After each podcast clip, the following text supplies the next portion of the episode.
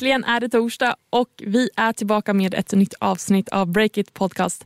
Jag kavlar upp ärmarna här i studion och ja, men bör nämna att mitt namn är Åsa Johansson och jag är reporter på Breakit och programledare för den här podden. Gud vad jag är taggad för med mig i studion här idag har jag min reporterkollega Martin. Kul att ha dig här. Ja, men kul att vara här. Tack för att jag får komma igen. Det var ett par veckor sedan sist och vi har bytt studio och det känns väldigt bra. Ja, mycket har hänt och vi har ju vårt vinnande koncept här i podden, veckans eh, möten som vi snackar om. Vi snackar om snackisar och köp och sälj.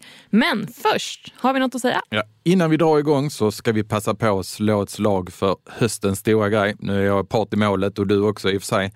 Men det är Breakits event SAS Summit eh, som vi måste beteckna som årets hetaste event som går stapeln nu i oktober. Oh ja. Men vad kan man eh, som besökare förvänta sig av det här spektakulära eventet? Ja, men väldigt mycket. Det under en hel dag på Space i Stockholm kommer vi och alla våra gäster djupdyka i tre av de viktigaste områdena för SAS-bolag just nu. Det handlar om AI, det handlar om finansiering, det handlar om hur man ska tänka kring prissättning versus tillväxt. Hela eventet samlar Sveriges hetaste entreprenörer, investerare och ledare på scen, men också i publiken. 500 pers kommer och det brukar alltid bli lapp i luckan. Det låter ju superhett. Kommer deltagarna också kunna ta del av eh, SAS-rapporten som vår grymma kollega Tobias Blixt jobbar för fullt med just nu? Nej men självklart är det så. Och nytt för i år är att det handlar faktiskt om två rapporter som What? alla med biljett får tillgång till. Det är Power Players of SAS och som du nämnde vår årliga stora SAS-rapport. Så vill du komma, surfa in på breakit.se event och skriv in rabattkoden podcast med stora bokstäver. Podcast med stora bokstäver så får du köpa biljett för 3 000 kronor istället för 5 500. Det är riktigt grym rabatt för våra lyssnare och en exklusiv deal. Och kom ihåg att det här erbjudandet är tidsbegränsat, så passa upp på att signa upp dig nu. Do it! Men först så lyssna vidare på vår podcast här för det här avsnittet kommer bli rykande. Ska vi dra igång med våra möten? Jag vill höra vem du har träffat. Ja, då ska du få göra det. Jag har träffat, eller träffat på telefon, Ali Goss som är grundare och vd på Last Mile-bolaget Gordon Delivery. Och det här bolaget har ju nischat in sig på leveranser av kylvaror. En trevlig man. Ja, verkligen. Och varför har jag pratat med honom då? Jo, för att de här har fått in två miljoner i ett stöd från myndigheten eh, Vinnova. Och det får de in för att de håller på med ett projekt tillsammans med andra aktörer, däribland Coop för att utveckla en förpackning inom e-handel för eh, mat som ska användas flera gånger. Alltså det är inte maten som ska användas flera gånger, Nej, det det är förpackningarna.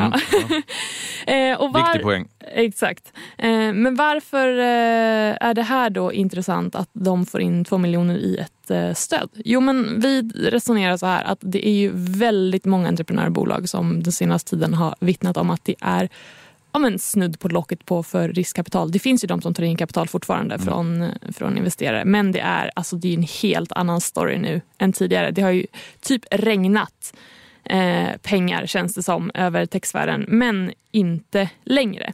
Så då tänkte vi så här, okej, ja, men vi gör en genomgång av vilka stöd och bidrag som bolag kan söka och det här kommer snart på breakit.se. Ni vill inte missa det här. Det är jag som har gjort den också så att uppenbarligen kommer det vara skitbra. Eh, ett litet slag för det. Men eh, när jag pratade med Ali då så sa han då att ja, men det har funnits väldigt mycket riskkapital eh, till för ungefär ett år sedan. Men sen har det förändrats radikalt. Och han tror absolut att det är viktigt för nej, men samhällsviktiga projekt att det finns sådana här bidrag. Men med det sagt, de här pengarna kommer inte att räcka. Men det hjälper till. Det är lite på plåster vägen. på såren, eller lite förband om man förblöder. Kan man säga det så? Ja, men kanske. Alltså han säger att om de inte hade fått in det här stödet så hade det gått långsammare. Mm. Jag, jag, jag, jag säger inte att de inte hade gjort den här satsningen på det här projektet. Men ja, långsammare i alla fall hade det gått. Men han skickade också med en känga och det tyckte jag var intressant. Eh, för när Gordon startades då 2015 så tog det flera år innan det här bolaget fick in kapital och grundaren sökte sån här stad om och om igen men utan framgång. Då var det så här, jaha okej, hur kommer det sig då? Och han säger att han har ner otroligt mycket tid eh, i ganska komplicerade ansökningsförfaranden som han då menar är för att eh, söka de här bidragen eller stöden. Och Det handlar liksom inte om att nej, vad företaget har för affärsidé utan snarare att söker man så måste man verkligen veta hur man ska gå tillväga och känna till formaliteterna och så vidare. För det tar mycket tid eller det är, är, det komplicerat? Ja, men alltså bara mäckigt. Liksom. Man, man bör veta hur man gör. Liksom. Så där var det en liten känga. Han tyckte att det fanns förbättringspotential. Eh, men hörni, kära lyssnare. Eh, ta del av den här sammanställningen och intervjun med Allegos på break.se. Och har ni inspel så hör jättegärna av er. Mig når ni på asa.breakit.se. Tips på gratispengar kan man få alltså? Tips på gratispengar, exakt. Mm. Vem vill inte ha det? I dessa tider speciellt. Eh, men nog om gratispengar. Martin, få höra om ditt möte? Eh, mitt möte var med Gig, Gig, Googles kalkylark.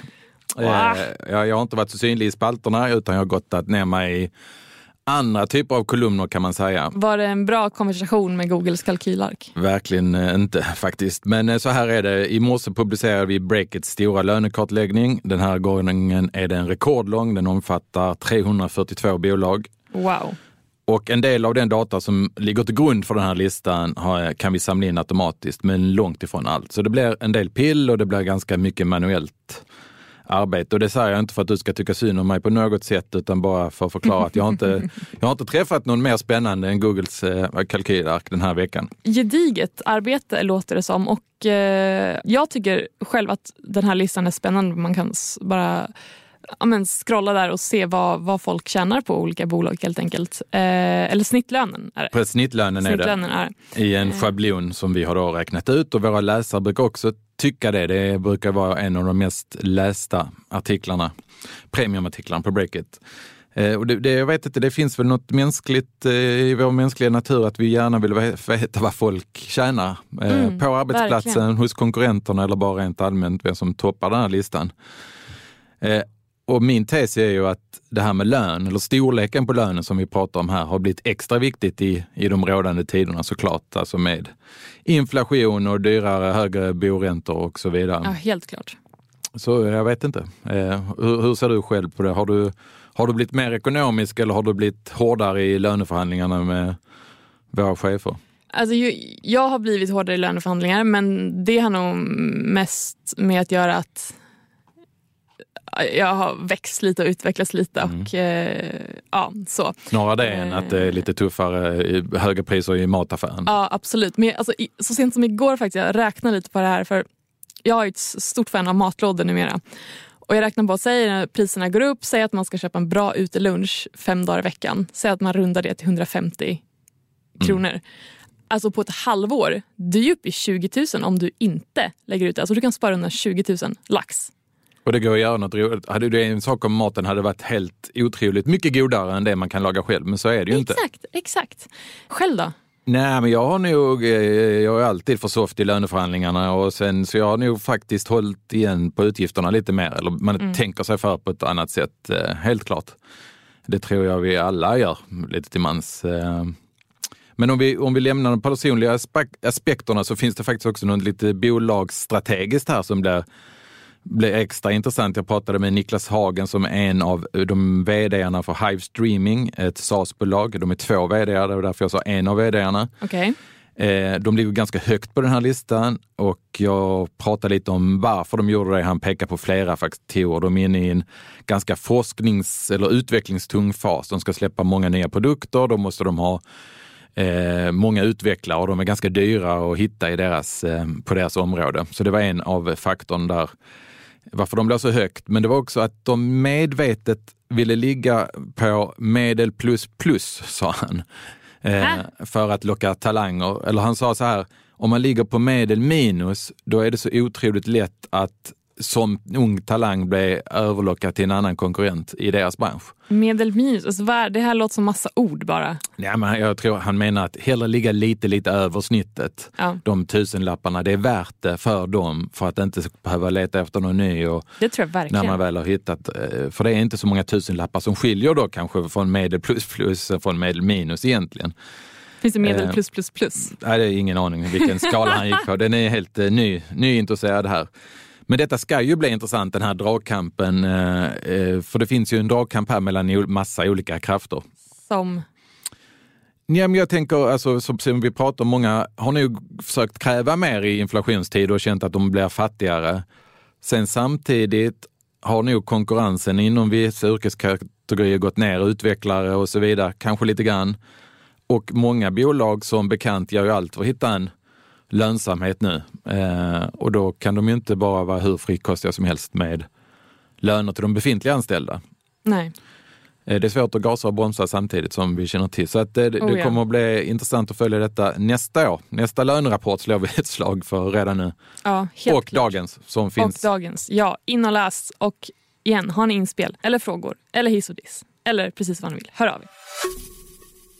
Nu tycker jag att vi går in på våra snackisar och jag tycker att vi ska börja med din snackis Martin för du rusade ju in här för en stund sedan och jag tyckte att du lät helt betagen över vad som är Klarnas senaste rapport. Scenen är din.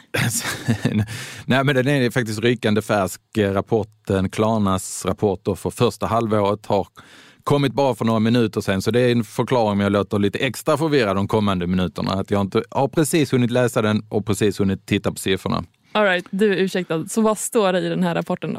Nej, men det stora är ju att Klarnas vd Sebastian Siemiatkowski skriver i vd-ordet att bolaget nådde lönsamhet under en enskild månad under det andra kvartalet. Alltså det ska röra sig om en nettovinst, alltså längst ner i resultaträkning. En av de här månaderna i april, maj, juni. Och lite bakgrund här det är ju att Klarna sa upp personal våren 2022, gjorde en ny emission på sommaren 2022 och lovade då att de här pengarna ska räcka till att vi gör eh, plus igen, eh, som de gjorde i de första tio åren eller vad det nu var i bolagets historia. Eh, och sen ett, det här var ett löfte som senare preciserades till månadsnivå under andra halvan av 2023. Ett mål då som de säger att de har nått nu under våren. Okej, nu, nu får jag faktiskt avbryta här. Det här med lönsamhet under en viss månad. Vem pratar om lönsamhet under en månad? Om man säger lönsamhet, då är det väl så, antingen för ett år, ett halvår eller i alla fall ett kvartal. För annars, ja nej, men vi nådde lönsamhet under en månad. Ja, men då, kan man ju, då kan man dra ner det till vi nådde lönsamhet under en vecka. Till En att timme. vi var lönsamma mellan klockan 8.00 och 9.00 den här dagen. Who cares? Nej, du har, du har, du har såklart en, en eh, poäng där. Men om man nu, nu får man komma ihåg var de Klarna kommer ifrån. Och det som spelar roll här, nu är detta enskild månad eller inte, men det som spelar roll är ju att de har förbättrat sig rejält under andra kvartalet i år jämfört med andra kvartalet i fjol. Och det är lite, lite tack vare att de växer. De får ganska mycket daghjälp från valuta, antar jag. Men också, framför allt, de har sänkt sina kostnader. Det handlar om alltså flera miljarder. Ett par miljarder tror jag det handlar om på årsbasis, alltså i general and admin cost. Eh, och här pekar Sebastian själv i rapporten, han jag säger, att han pekar på att AI har gett rejäl hjälp i den här jakten på kostnader. Det är ju väldigt spännande. Men han har ju varit ute förut och pratat väldigt gott om AI. Det, det hade han, men att det är så här pass konkret redan nu kanske är en, en liten överraskning. Eh, sen har kreditförlusterna också, jag tror, nu har jag inte siffrorna framför mig, men jag, jag tror att de nästan har halverats. Men vad landar, liksom, visst de, nu ska vi se, det var under en månad som de var lönsamma. Precis. Alltså, Och, nej, för, man, man för kan hela ha lite, kvartalet då? Vad, vad landar de på? Liksom, alltså jag tror hela kvartalet var minus eh, 700 miljoner och första halvåret... Förlåt, men, åh, jag ska inte skratta men det är såna kontraster här. Det är ju det. Men sanningen är ju, eller sanningen, verkligheten är ju komplicerad. Det, finns, det är ju sällan Jo, så enkelt som vi vill göra det. Eh, och man kan ha reservationer, men det, det går ju snabbare att vända på den här skutan än vad jag trodde. Jag skrev nämligen en krönika förra sommaren att Klarna kommer behöva ta in pengar innan bolaget når lönsamhet. Det här påminner Klarnas kommunikationsavdelning mig ständigt om. Och att jag lovade att jag skulle skriva att jag hade fel om jag hade fel. Så frågan är om jag hade fel. Nu, nu, skulle vi, nu ska vi inte gå till det finstilta, men frågan är vilken tidsperiod vi pratar om. För visst har du en poäng, man måste ju i alla fall vara lönsam under några längre tidsperiod än en enskild månad för att kunna reservationslöst kalla sig ett lönsamt bolag. Men också, alltså mycket, väldigt mycket handlar ju om, om hur man kommunicerar saker, hur man presenterar saker. Det här kanske kommer bli en ny grej nu. Att när man pratar med investerare så är det inte så här att vi visar lönsamhet på ett helt år. Vi visar lönsamhet under alltså, någon kortare period. För att, alltså, så först- kan det vara. Detta är symboler också. Nu vet jag inte vad som ligger i korten för dem, men det är helt klart hårdvinklat. Och Sebastian brukar ju tycka att vi är hårdvinklar i media, så är han rätt duktig på att göra det själv. Men poängen här, förbättringstrenden är, är faktiskt brant. Det kan man inte säga någonting om. Det, det kan man utläsa i siffrorna. På många håll och särskilt på kostnadssidan så går det åt rätt håll för Klarna. Det går inte att debattera. Men det är ju hoppfullt ändå i och med att de har ju vidtagit ordentliga åtgärder för det här. Ja, men det är viktigt och det var därför jag vill ha in det här i den här podden. För att eh, eh, Klarna är, nu ska vi inte ta till för stora ord, men det är ett lokomotiv i det svenska nya näringslivet, techbranschen. Du skrattar åt mig, men det, men det är jättestora ord. det är stora ord. Varför men det, är ett lokomotiv i techbranschen? Nej, men jag tror, alltså dels så sysselsätter det många tusen i, i Stockholms innerstad och eh, har en betydelse på det sättet. Men det är också, tror jag, en stor symbolisk betydelse. Eh, var först ut, kom från Handels, startades egentligen från två tomma händer, eller om de var sex tomma händer, de var väl tre grundare och har nått den här eh, expansionen och den här närvaron runt om Men i me- världen. menar du att de har en betydelse, bland annat, rätt med om jag inte förstår det rätt nu, men att de också har en betydelse för att de blir förebilder? Ja, absolut. De är förebilder för många entreprenörer och som visar att nej men titta, de har kämpat, de har kunnat vända det här. Det tror jag är jätteviktigt. Såklart fortsätter vi följa Klarna. Eh, absolut, det gör vi. To be continued. to be continued. Vi går vidare till nästa snackis som är nätläkare. Och inte bara vilka nätläkare som helst utan nästa generationens nätläkare som nischar in sig ganska hårt. Till skillnad från de som var först ut på den här arenan. En av våra kollegor, Julia Lundin, har gjort en redig genomgång som går att läsa på projekt.se men vi tänker att vi måste också snacka om det här. Det måste vi, eh, för jag tycker detta är jättespännande och har jag tyckt jättelänge. För det, det finns så många aspekter i det. Det är digitaliseringen, det är, handlar om effektivitet i en verksamhet som till stor del är offentligt finansierad. Det, är extra intressant tycker jag. Ja, helt klart. Eh, lite recap då, lite history behind it all. Så min doktor slog upp eh, sina digitala portar 2013, gud det är tio år sedan. Sen följde Kry, doktor.se och Doktor24. Och det blev ju verkligen ett skifte inom primärvården. Men nu då, ja, men, säg tio år senare, så gör de här ja, digitala eller virtuella vårdcentralerna förluster och som vi har rapporterat om tvingas till neddragningar eh, samtidigt som värderingarna verkligen störtdyker. Så att vara en allmän digital vårdgivare är inte det hetaste just nu trots den här hypen som har varit när de började bubbla upp. Men Martin, hur ser det ut för din del? då? Har du erfarenhet av nätläkare eller håller du dig till den traditionella vården? Lite både och faktiskt. Och jag har faktiskt haft anledning att söka upp vård de senaste veckorna. Nu ska vi inte göra detta till något avsnitt av Fråga doktorn på något sätt och gå in djupare på det. Men det är lite, när det handlar om mig själv, då söker jag mig faktiskt själv till den traditionella vården, till vårdcentralen och det har funkat jättebra. Jag har en färsk upplevelse. Det gick jätte, jättesnabbt och smidigt. Eh, men när det har varit barn så har det varit väldigt, väldigt, eh, nu ska jag inte säga vilken det är, jag minns inte ens vilka det har varit. Men du vet när barnen är, har något utslag eller vad det nu kan handla om, så har det varit väldigt, väldigt bra att anmäla sig och så ringer en doktor upp istället för att man drar iväg till någon fysisk, alltså det är ju extremt bra måste jag säga. Ja, men jag har faktiskt lite... Nu är jag inget barn, tror det eller ej. Men eh, jag har lite liknande erfarenheter eh, för min egen del. För alltså, jag har varit med om... Eh, för jag använder en nätläkare. Jag ska inte säga vilken det är. Men jag använder en nätläkare i alla fall. Och jag har varit med om vid, ett, vid två tillfällen att jag, om jag har haft en, ett besvär, utan att nämna vad det är, tidigare eh, och jag har liksom vaknat mitt i natten jag vet vart, var, var det varit då. Vaknat mitt i natten, haft sjukt ont och bara så här, jag måste ha hjälp nu. Och verkligen så här bara, ska jag testa det här systemet? Och då har jag gått in i den här appen mitt i natten, alltså typ klockan två på morgonen Mm. och fått ett videosamtal. Alltså 45 minuter senare. Alltså mitt i natten. Vad har hänt då? Jag har berättat vad jag kunde berätta. Liksom. Fått antibiotika utskrivet där och då. Gått och lagt mig igen. Vaknat på morgonen. På väg till jobbet. Plockar upp det från apoteket.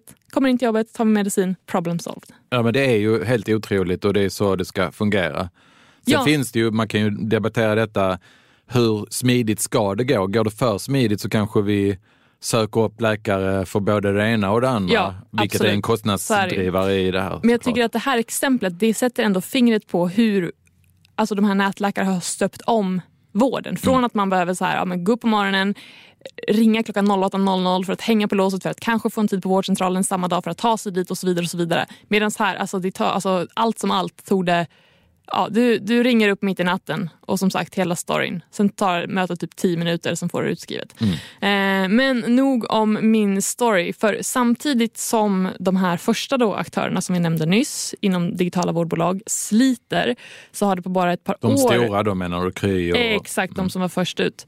Eh, så de sliter så har det eh, samtidigt kommit in några nya eh, aktörer som är nischade som har gett in sig i den här eh, Eh, sektorn. Och precis som du var inne på lite grann, ehm, så ja, bland annat så är det barnvård. Där har vi en aktör som heter Knodd. Vi har blodtrycksdoktorn, eh, talar för sig själv. Vi har AID, tror jag heter, eh, specialiserad för män med exempelvis erektionsproblem.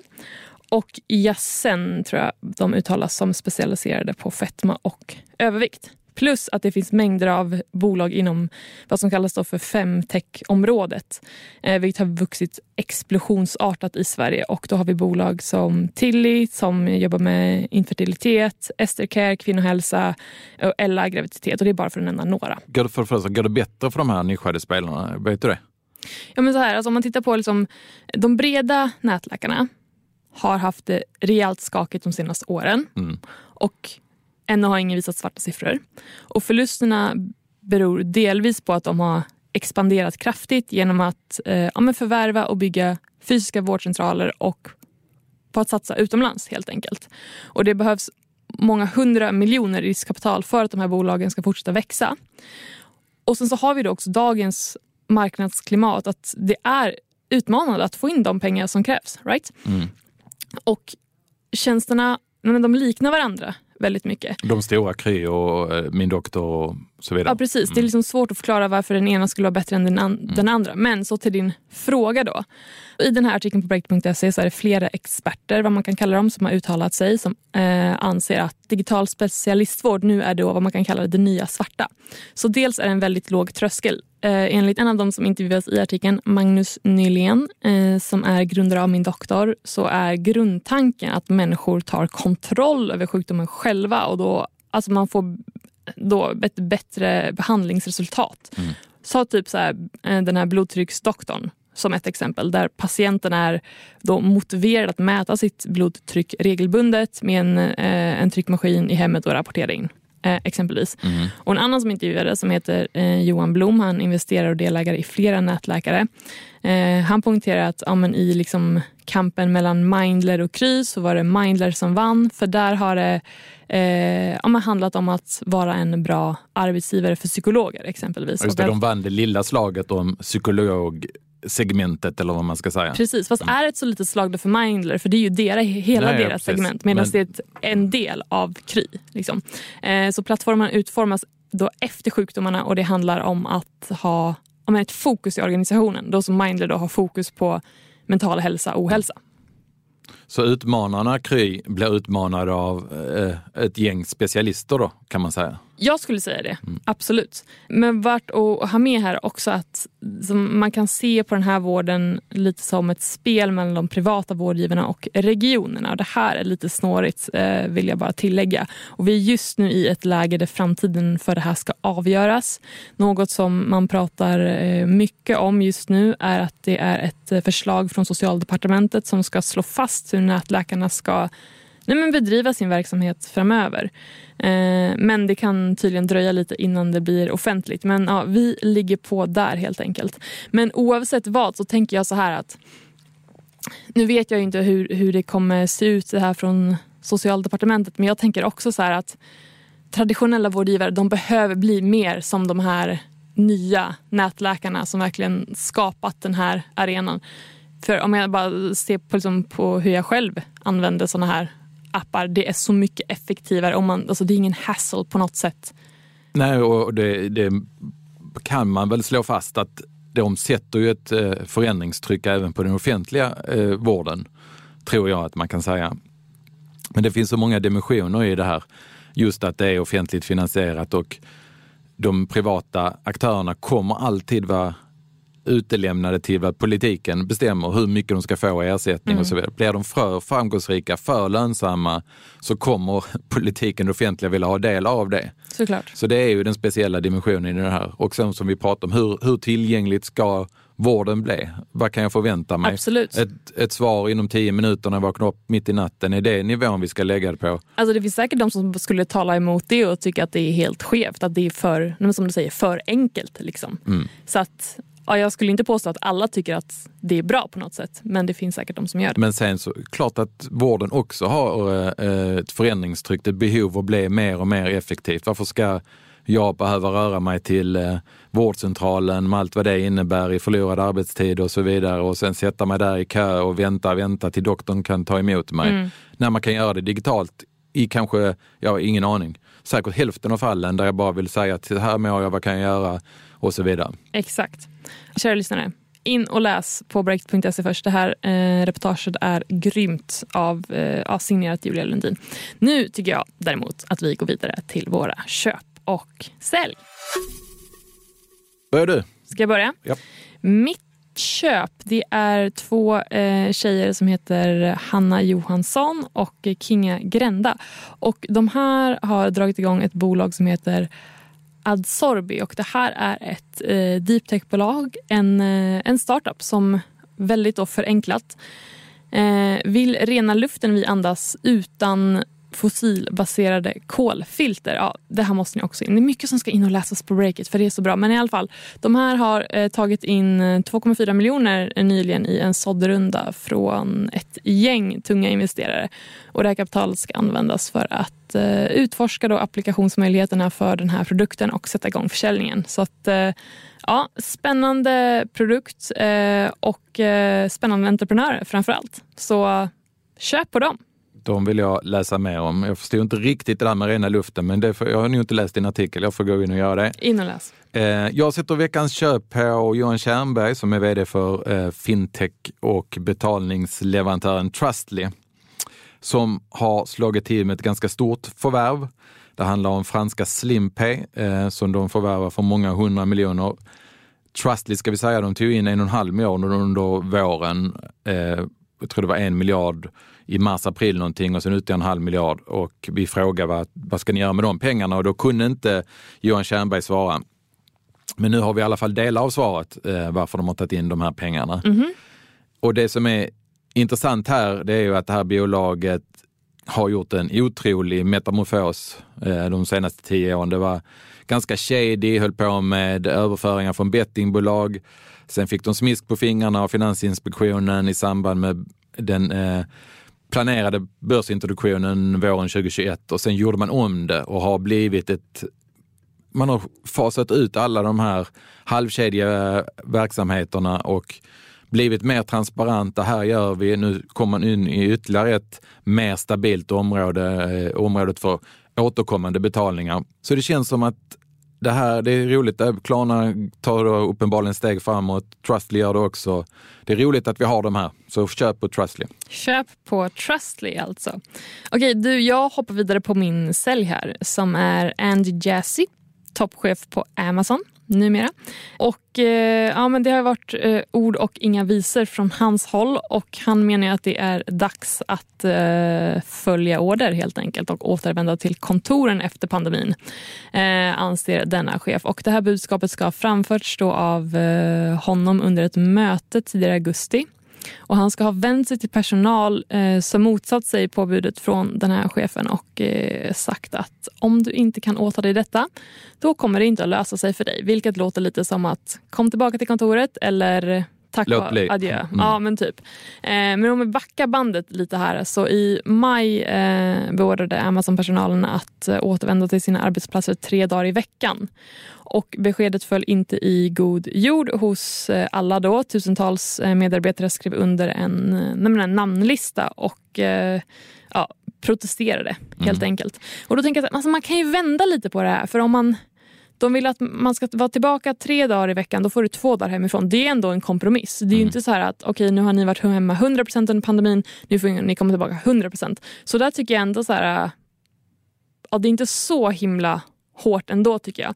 Men man fattar ju ändå att folk blir irriterade över den här retoriken eh, från chefen och det är det jag sätter sälj på. Jag tycker mm. att det här kan lösas snyggare. Så ja, sälj på det.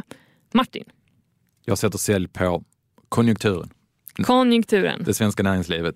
Nej men jag, Jag tycker det är väldigt lugnt där ute. Dels på tunnelbanan in eh, på morgonen nu. Lite folk. Jag tycker det är ganska tunt på stan. Jag tycker det är ganska lugnt i nyhetsflödet hos oss. Det är ganska få stora nyheter, få kapitaliseringsrundor. Det är nästan det enda vi skriver om nu känns det som. Det är faktiskt tyvärr konkurser eller rekonstruktioner eller annat elände. Jag vet, det är kanske den mest öppna dörr man kan slå in just nu, men det känns som att hösten kommer att bli otroligt tuff för många av bolagen i vårt bevakningsområde. Tyvärr hoppas vi når den här räntetoppen, hoppas börsen går upp så att vi kan få in lite luft i systemet. Jag kan inte bara annat än instämma. Det är väldigt mörkt nu upplever jag det som. Och, eh, ja, men vi hoppas på det bästa helt enkelt. Det gör vi. Vad det nu är. Bra. Finns det någonting mer som vi borde prata om? Det finns det alldeles säkert, men eh, jag tror vi är klara för den här gången. Vi är klara för den här gången. Tack till alla er som har lyssnat. Som sagt, hör av er med ris och ros, hiss och diss och inspel och allt. Mig når ni på asa.breakit.se. Och mig når ni på martin.breakit.se. Vi hörs nästa vecka. Ha det så bra!